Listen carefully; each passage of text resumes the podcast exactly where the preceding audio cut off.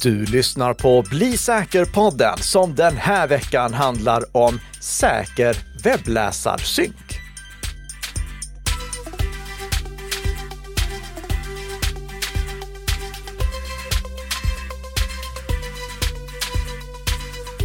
Och vem vill inte ha säker webbläsarsynk? Ja, jag, Karl-Emil Nicka, vill definitivt ha det och du, Peter Esse, du vill väl också ha det? Det vill jag ha. Och Det här avsnittet är inspelat den 8 februari och släpps här nu när ni lyssnar förhoppningsvis den 10 februari. Och vad beror det på, karl Jo, det beror på den fantastiska respons som vi fick från förra veckans avsnitt. Förra veckan, då pratade vi om det människorättsvidriga Chat Control 2.0-förslaget som har lagts fram och som syftar till att eh, i princip förbjuda möjligheten till säker kommunikation i strid med FNs deklaration om mänskliga rättigheter, Europakonventionen och barnkonventionen. Om ni inte har lyssnat på det avsnittet, gör jättegärna det. För att jag, jag, tror aldrig jag har fått så många direktmeddelanden som har sagt att oh vad viktigt det är att ni lyfter det här och förvåningar kring att är det här överhuvudtaget någonting som EU föreslår? Men jag kan säga att den det meddelande som jag blev allra gladast över, det kom från Ecpat Sverige. Och som jag sa i förra veckans avsnitt, jag uppskattar verkligen det som Ecpat Sverige gör. Och det är därför så glädjande att Ecpat Sverige har tagit min utsträckta hand och på torsdag den här veckan, alltså dagen före ni lyssnar på det och skälet till att vi måste spela in det här avsnittet på onsdagen, det är att då åker jag upp till Stockholm och träffar Ecpat Sverige för att diskutera problematiken med med det här Chat Control 2.0-förslaget. Så stort tack till Ecpat för att ni tog min utsträckta hand, vill träffa mig igen och jag tycker att det är stort av dem att verkligen möta en meningsmotståndare och inte bara liksom avfärda det, utan faktiskt ta sig tiden att möta en meningsmotståndare. Vi ska ju svara på några av de här frågorna vi då har fått in här. Mm. Men innan dess så ska vi konstatera att Bli säker-podden spelas in i ekonomiskt oberoende samarbete mellan Nika Systems och Bredband2. Just det, det glömde jag säga. Bra att du fick med det. Första frågan här och kanske den viktigaste. Vet förespråkarna att förslaget bryter mot mänskliga rättigheter? Ja, det gör de. Det, det står uttryckligen i förslaget att det bryter mot mänskliga rättigheter. Och det här är alltså inte ett skämt, utan det gör det. Det, det, det står så här ordagrant, citat. Samtidigt påverkar åtgärderna i förslaget i första hand utövandet av de grundläggande rättigheterna för användarna av tjänsterna i fråga. Dessa rättigheter omfattar i synnerhet de grundläggande rättigheterna till respekten för privatlivet, bland annat att all kommunikation är konfidentiell som en del av den mer allmänna rätten till respekt för privat och familjelivet, skyddandet av personuppgifter samt yttrande och informationsfriheten. Även om dessa rättigheter är mycket mycket viktiga är det ingen av dem som måste skyddas till varje pris, utan de måste beaktas i förhållande till deras funktion i samhället. Slutcitat.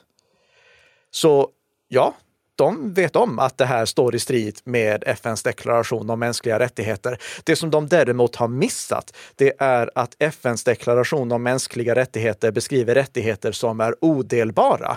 Det är alltså inte ett buffébord där det går att liksom, oh, nu tar vi den rättigheten och den rättigheten, men vi hoppar över de där rättigheterna. Det är, no det är någonting som hänger samman, någonting som vi alla har kommit överens om för att inte allt det som hände under andra världskriget ska kunna upprepas igen. Vi går vidare med veckans snabbisar. Vi ska prata om den okrypterade kvarlevan. Vi har nämligen eh, eh, säkert skydd för våra filer när vi lagrar dem på våra mobiler. Eh, oavsett vilken mobil som ni har så är lagringen på mobilens interna lagring alltid krypterad. Det gäller alla Android-mobiler som fortfarande används och alla iPhones. Men det kan vara undantag för minneskort som finns i Android-mobiler. Datorer där eh, är eh, det lyckligtvis eh, ganska enkelt att aktivera kryptering om det inte redan är aktiverat, så länge som du inte har vissa Windows-datorer som inte har stöd för det. Men det, datorer, det är lätt att aktivera kryptering på dem så att inte en skurk som stjäl datorn kan komma åt filerna som ligger på den. Men det finns en populär konsumentelektronikpryl som inte krypterar lagringen fortfarande. Och det är kameror. Anledningen till att jag vill lyfta det här nu, det är någonting som hände i tisdags för att då bevakade Kalla fakta en rättegång och polisen anklagade Kalla faktas fotograf för att ha filmat in i rättssalen, vilket inte är tillåtet och beslagtog då minneskortet, vilket är problematiskt i och med att eh, journalister har källskydd och liknande att ta hänsyn till. Källskydd är ett väldigt svårt ord att uttala för, för mig. Men, och det innebär ju naturligtvis att polisen om de beslagtar det här kortet och sen så finns det annat material då ja. än den här påstådda filmningen in i rättssalen. Mm. Där eh, vittnen eller ja, ens, ens källor helt enkelt ja. kan röjas av polismakten, vilket kan vara otroligt allvarligt. Yep. Så det här är ett problem och det är ett problem som vi har känt till länge. 2016 då publicerade Freedom of Press ett publikt brev till Canon, Nikon, Sony, Olympus med flera, alltså de stora kameratillverkarna, där de bad kameratillverkarna att snälla lägg till stöd för kryptering så att vi kan spela in krypterat till våra minneskort. Och det var ett brev som signerades av väldigt många, inklusive Laura Poitras. Och ifall ni tycker att det låter bekant, det namnet, så är det för att det var Laura och eh, Grant Greenwald som gjorde den här intervjun med eh, Edward Snowden på hotellrummet, som jag misstänker att väldigt många av våra lyssnare har sett någon gång. Varför lyfter vi det här då? Är det för att vi börjar ha någon sån här samhällsrevolution i Bli säker-podden? Nej, absolut inte. Det, anledningen till att vi lyfter det här i Bli säker-podden, det är att avsaknaden av möjligheten att spela in krypterat på SD-kort, det påverkar alla. Det påverkar även dig som lyssnare om du har en systemkamera eller en kompaktkamera. För dagen då du ska göra dig av med det här minneskortet, Oavsett om det är för att du säljer kameran och vill ge med eh, minneskorten eller om du bara ska kassera minneskorten så måste du komma ihåg att filerna har legat på det minnet okrypterade. Och vad går att göra med okrypterade filer? Eh, de kan jag ju titta på. Ja, det går att återskapa dem. Filer som lagras okrypterat på ett minneskort eller ett USB-minne eller datorns interna lagringsyta om den inte är krypterad. De går att återskapa och det gäller även om du har formaterat Eh, minneskortet eller eh, USB-minnet eller datorns interna lagringsyta. Det är därför när du ska återställa din dator som du kanske får frågan, vill du återställa datorn för att sälja den eller bara för dig själv? Det här gäller Windows då. Och anledningen till det, det, är att om du väljer att du ska återställa den för att sälja den, då skrivs hårddisken över så att inte någonting går att återskapa från den, även om datan hade legat där okrypterad tidigare. Men med minneskort och USB-minnen, då har vi problemet att där lagras mycket information okrypterad. Och på minneskort, då är det alltid så. För att kamerorna kan inte spara filmerna, bilderna, ljudupptagningarna krypterat.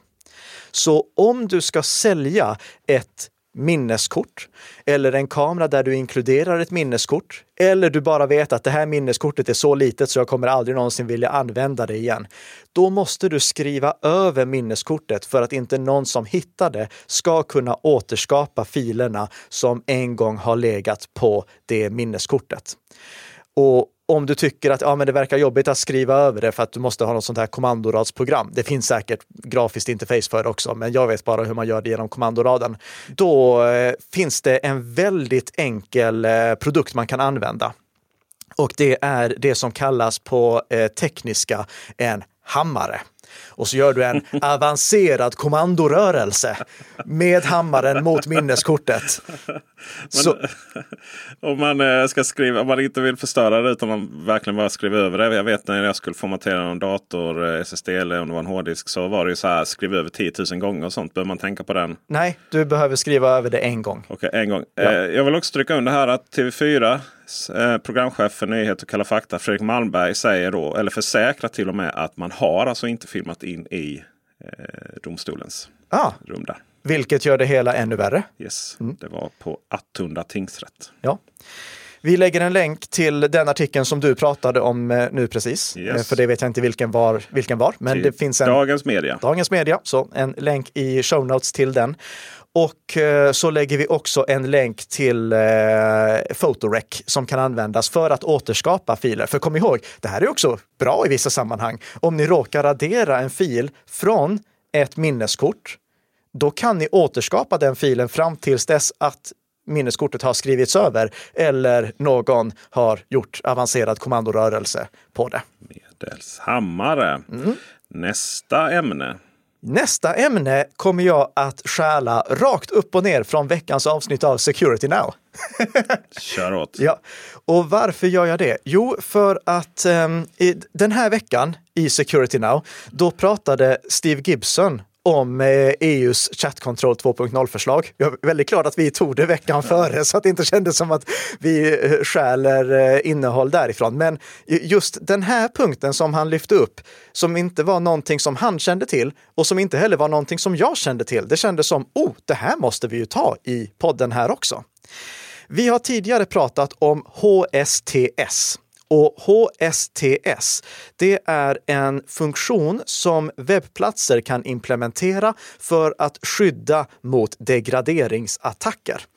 Och vad innebär det? Vi tar snabbversionen här. Eh, de degraderingsattacker, det är ifall vi säger att eh, du Peter, du sitter på eh, Javanettis wifi som kontrolleras av någon ond person, Eve Javanetti. Eh, hon har full kontroll över det. Och när du sen vill gå till en webbplats, då har du ju normalt sett en säker anslutning. Du har ett hänglås i adressfältet, det står HTTPS, du har en säker anslutning så att Eve, hon kan inte avlyssna den här kommunikationen. Hon kan Skönt. inte stjäla ditt användarnamn och lösenord. Men om hon utför en degraderingsattack som helt enkelt plockar bort hänglåset ur adressfältet, alltså tar bort din autentiserade krypterade anslutning så att informationen går över en okrypterad, icke-autentiserad anslutning. Då kan hon avlyssna den. Då kan hon plocka ditt användarnamn och lösenord. Det är därför det är så viktigt att när vi sitter på publika wifi och inte använder en VPN-tjänst, då måste vi säkerställa att vi hela tiden har det här hänglåset i adressfältet så att inte vi blir utsatta för en degraderingsattack. Men degraderingsattacker kan enbart göras mot webbplatser som inte skyddas med HSTS. För om du till exempel skulle vilja logga in på Nika Systems Academy, då går du till nickasystems.com och trycker på logga in.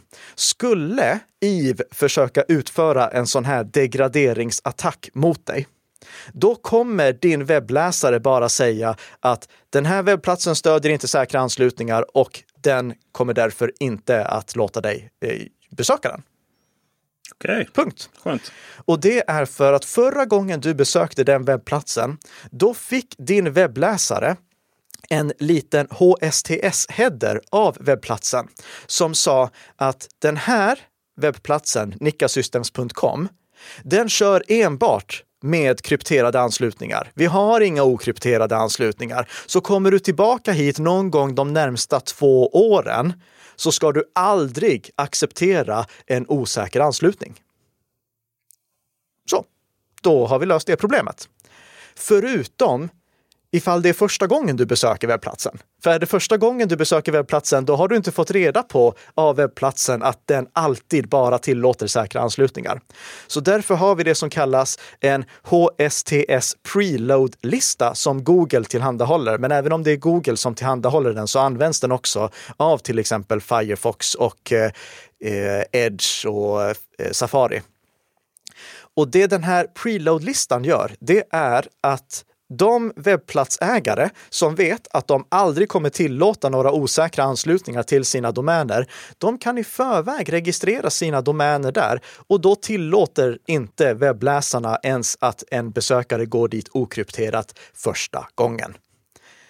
Så HSTS Preload, det är någonting som jag självfallet rekommenderar alla att eh, aktivera när det gäller då er som tillhandahåller webbplatser. Det är inte någonting som användaren kan aktivera, utan det är webbplatsen som måste göra det. Det finns inget skäl att inte aktivera det, så gör det. Så länge som ni inte har någon någon webbplats som inte stöder säkra anslutningar. För att om ni aktiverar HSTS då, då kan ni inte komma in på webbplatsen igen.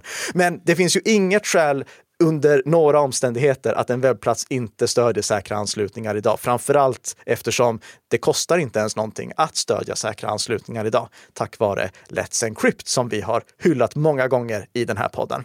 Hur som helst, vad är nyheten då? Jo, idag så registrerar vi våra huvuddomäner i den här preload-listan. Alltså nickasystems.com har jag registrerat i den här preload-listan. Men en domän, den består ju av flera saker. Den består av en toppdomän som är det där sista, .com, .net, .se. Det är huvuddomänen, till exempel nickasystems.com, bredband2.com. Och det är subdomäner. Subdomäner det är det som kan stå före huvuddomänen. Och det som jag fick reda på nu i veckans avsnitt av Security Now, det är att vissa toppdomäner är preloadade i sig. Så precis som att jag kan registrera nickasystems.com som en eh, preloadad huvuddomän och även låta det infatta alla subdomäner, så kan den som äger en toppdomän registrera den på preload-listan. Och då kommer alla huvuddomäner som finns under den toppdomänen att automatiskt vara preloadade. Så på många års sikt då kommer det här eh, preloading-problemet att vara löst.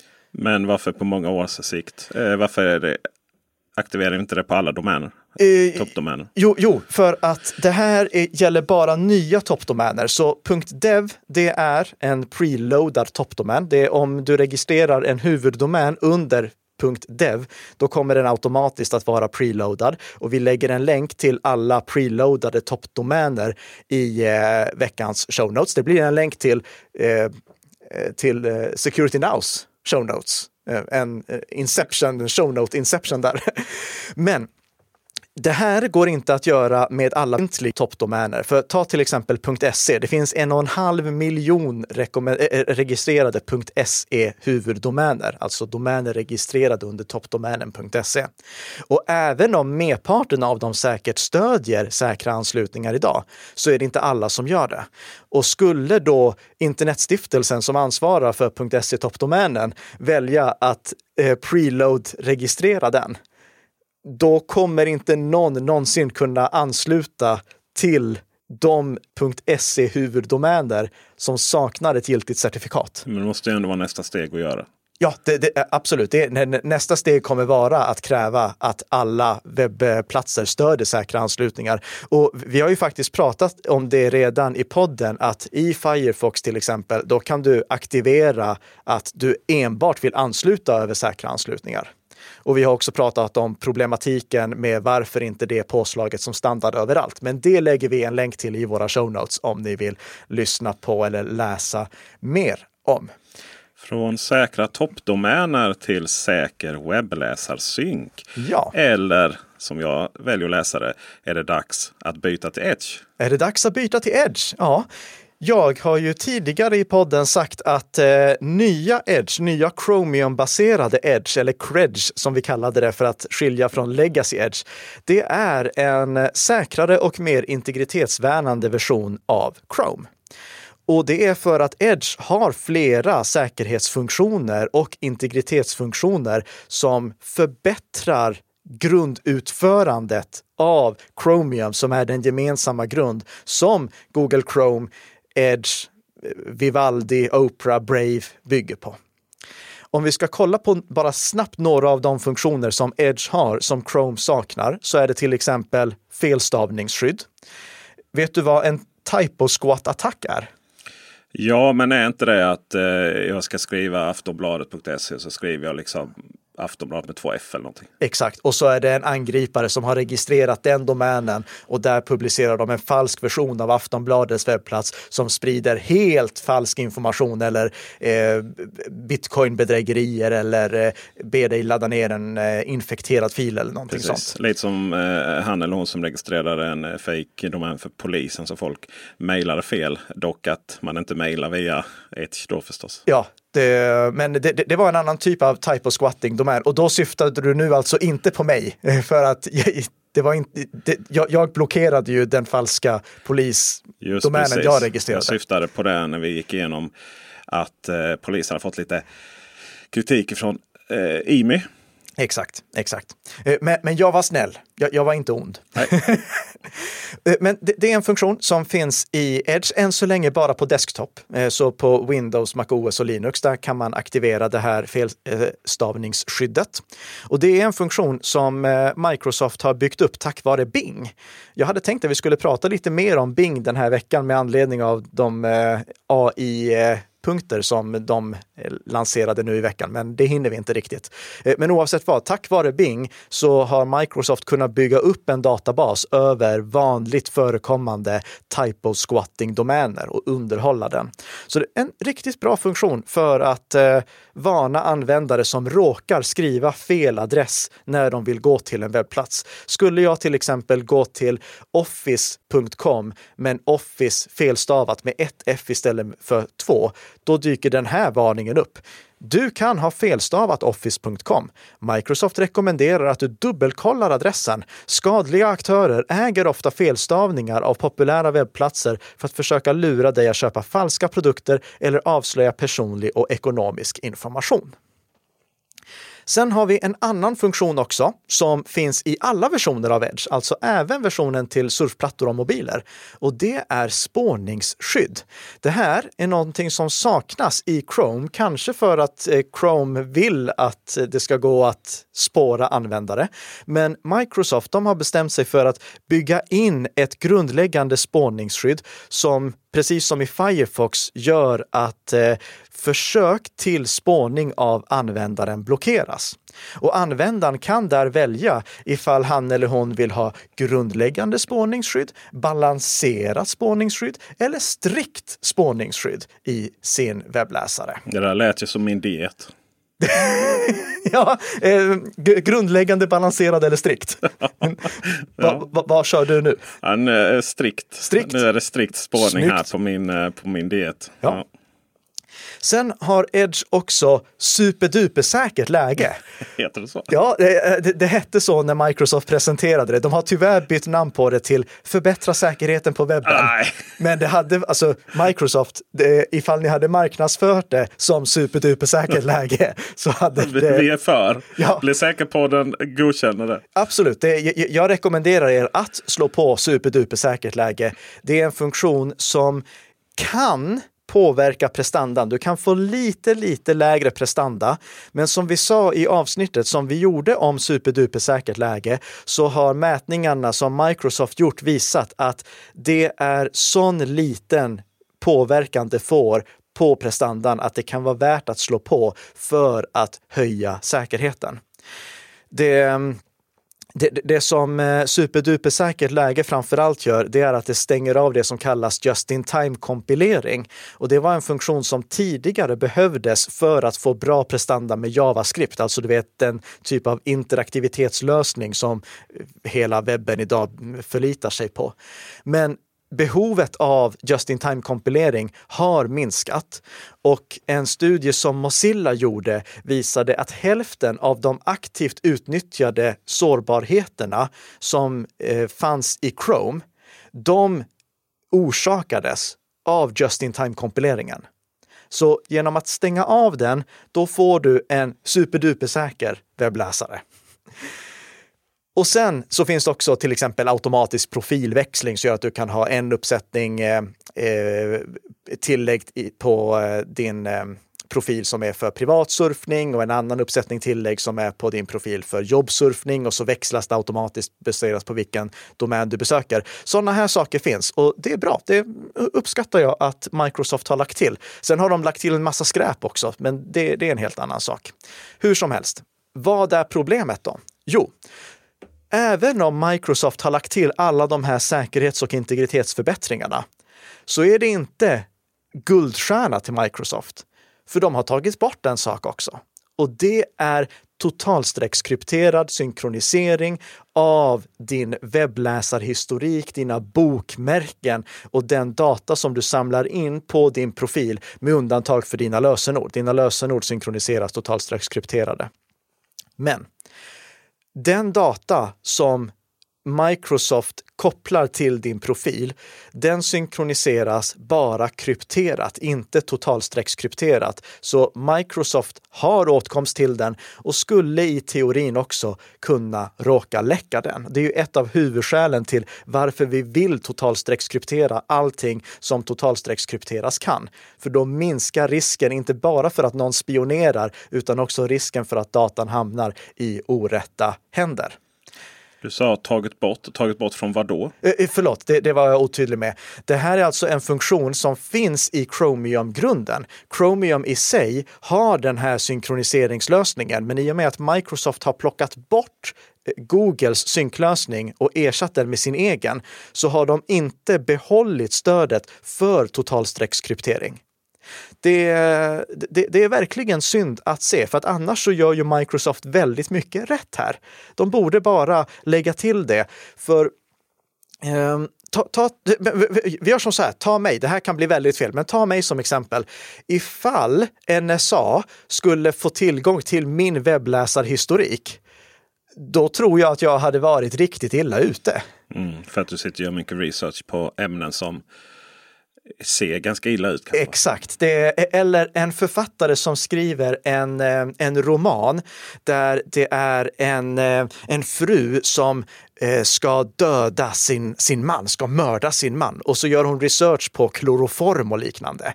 Det, det, det var någon komiker som en gång sa, ge mig din webbläsarhistorik så kan jag sätta dit dig för vad som helst. Mm. Jag minns inte vem det var. Om ni minns det, skriv i kommentarerna. Så det, det, eh, vår webbläsarhistorik och våra bokmärken är väldigt privata. Och Edge är idag den enda webbläsaren som inte stödjer end-to-end krypterad eller totalstreckskrypterad synkronisering av vår profildata. Kollar vi på Chrome som då är liksom eh, ursprungs-Chromium med Googles eh, eh, funktioner ovanpå. Då är totalstreckskrypterad synkronisering av profildata avslaget som standard. Men om du går till dina Chrome-inställningar, då kan du välja att lägga till en lösenfras för synkronisering. Och då krypteras din profildata på din dator eller på din mobiltelefon eller på din surfplatta innan den laddas upp till Google och den dekrypteras inte förrän den har kommit tillbaka till din andra enhet eller din tredje enhet som du har Chrome installerat på och där du har då skrivit in den här lösenfrasen som du till exempel kan spara i Bitwarden. När jag eh, startade igång Edge första gången ja. så kändes det som att det var helt uppkopplat på Google. Jag fick mina bokmärken och allting. Vad var det som? Det, det, det var inte eh, synkronisering. Det är jättebra att du nämner det, för att det, det, är två helt olika saker. Nu pratar vi alltså om synkronisering av information via en molnbaserad tjänst som Google tillhandahåller. När du installerade Edge på din dator, då fick du frågan ifall du ville importera din lokala profil från Chrome. Och det var då en import som skedde direkt direkt på din dator. Eh, det, det, var då som eh, din webbläsare tog all information ur Chrome och importerade den i Edge. Men det gick inte genom synkroniseringsmotorn, utan det var lokalt på din dator. Och det är det här som också är ett av huvudskälen till varför jag klankar ner på Chromes lösenordshanterare. För att om du märkte, till exempel om du installerar Firefox på, eh, på eh, Windows, då kan Firefox fråga, vill du att vi importerar allting från din Chrome-profil? Och då säger du ja. Och då kommer konstigt nog lösenorden över också, utan att du har skrivit in något huvudlösenord. Med Safari, det här är anledningen till att vi lyfter det här ämnet den här veckan. Med Safari, då var tidigare din webbläsarhistorik, dina flikgrupper och dina iCloud-flikar totalstreckskrypterade och det är de fortfarande. Men sen har ju Apple släppt den här funktionen avancerat dataskydd, alltså möjligheten att totalstreckskryptera det material som du synkar via iCloud. Inte bara lösenord och eh, hälsodata som var totalstreckskrypterat tidigare, utan allting förutom eh, dina mejl, dina kontakter och din kalender. Inklusive dina bokmärken. Så nu kan du, om du aktiverar avancerat dataskydd, vilket vi rekommenderar alla användare att göra. Avancerat dataskydd ska inte blandas ihop med låst läge, som vi inte rekommenderar alla våra användare att göra. Men aktivera avancerat dataskydd så får du totalstreckskrypterad synkronisering av allt det som du gör i Safari. Och med Firefox, då är det väldigt enkelt. När du skapar ett Firefox-konto och väljer att synkronisera din data, då är all data alltid totalstreckskrypterad. För det finns ju inget skäl till att den inte skulle vara det. Så Firefox har gjort rätt här. Att, ja, det är, och, och om du väljer att aktivera synkronisering, då synkroniseras allting totalstreckskrypterat så som det ska vara. Inga undantag. Eh, Edge saknar funktionen. I eh, Chrome, då kan du slå på funktionen. I Safari, då är den delvis påslagen som standard. Och i eh, Firefox, då är den påslagen som standard utan undantag. Hur är det i eh, den webbläsaren som många använder men som inte är din favorit, Brave? I Brave, då är också allting totalstreckskrypterat som standard. Brave gör också helt rätt. Så de har en lite annorlunda lösning för att där loggar du inte in med ett Brave-konto. Utan eh, där sätter du istället upp det som Brave kallar en synkroniseringskedja. Den här synkroniseringskedjan den bygger på Chromium-grunden, alltså den som jag berättade att Microsoft hade struntat i att använda. Så det, det är den som används för att kryptera datan. Men sen så har, eh, sen så har Brave byggt sin egen lösning där du inte loggar in med användarnamn och lösenord för att synkronisera mellan dina enheter, utan du skannar istället QR-koder för att sätta ihop en synkroniseringskedja. Eh, principen eller resultatet är fortfarande detsamma. Så oavsett eh, vilken, om vi kollar på Firefox lösning där du har ett konto eller eh, Braves lösning där du har en synkroniseringskedja så synkroniseras datan upp till molnet och laddas ner därifrån.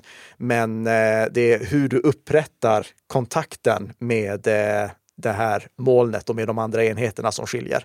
Eh, det blir lite omständligare enligt mig, men eh, det finns säkert de som uppskattar att det fungerar på det sättet som Brave har gjort. Och det, det viktiga är ju att det är påslaget som standard. Så eh, om du aktiverar Braves synkronisering med synkroniseringskedja, då har du din data totalstreckskrypterad så som det ska vara. Det är ju en av de rekommendationerna som vi ständigt återkommer till här i Bli säker-podden. Och hur ständigt återkommer vi till det? Ja, i nästan varje avsnitt. Och hur ofta kommer ett nytt avsnitt? Jo, varenda vecka. Och nästa fredag, då är vi tillbaka igen med ett nytt avsnitt av Bli säker-podden som gör dig lite säkrare för varje vecka som går. Tack så mycket för att du har lyssnat. Tack!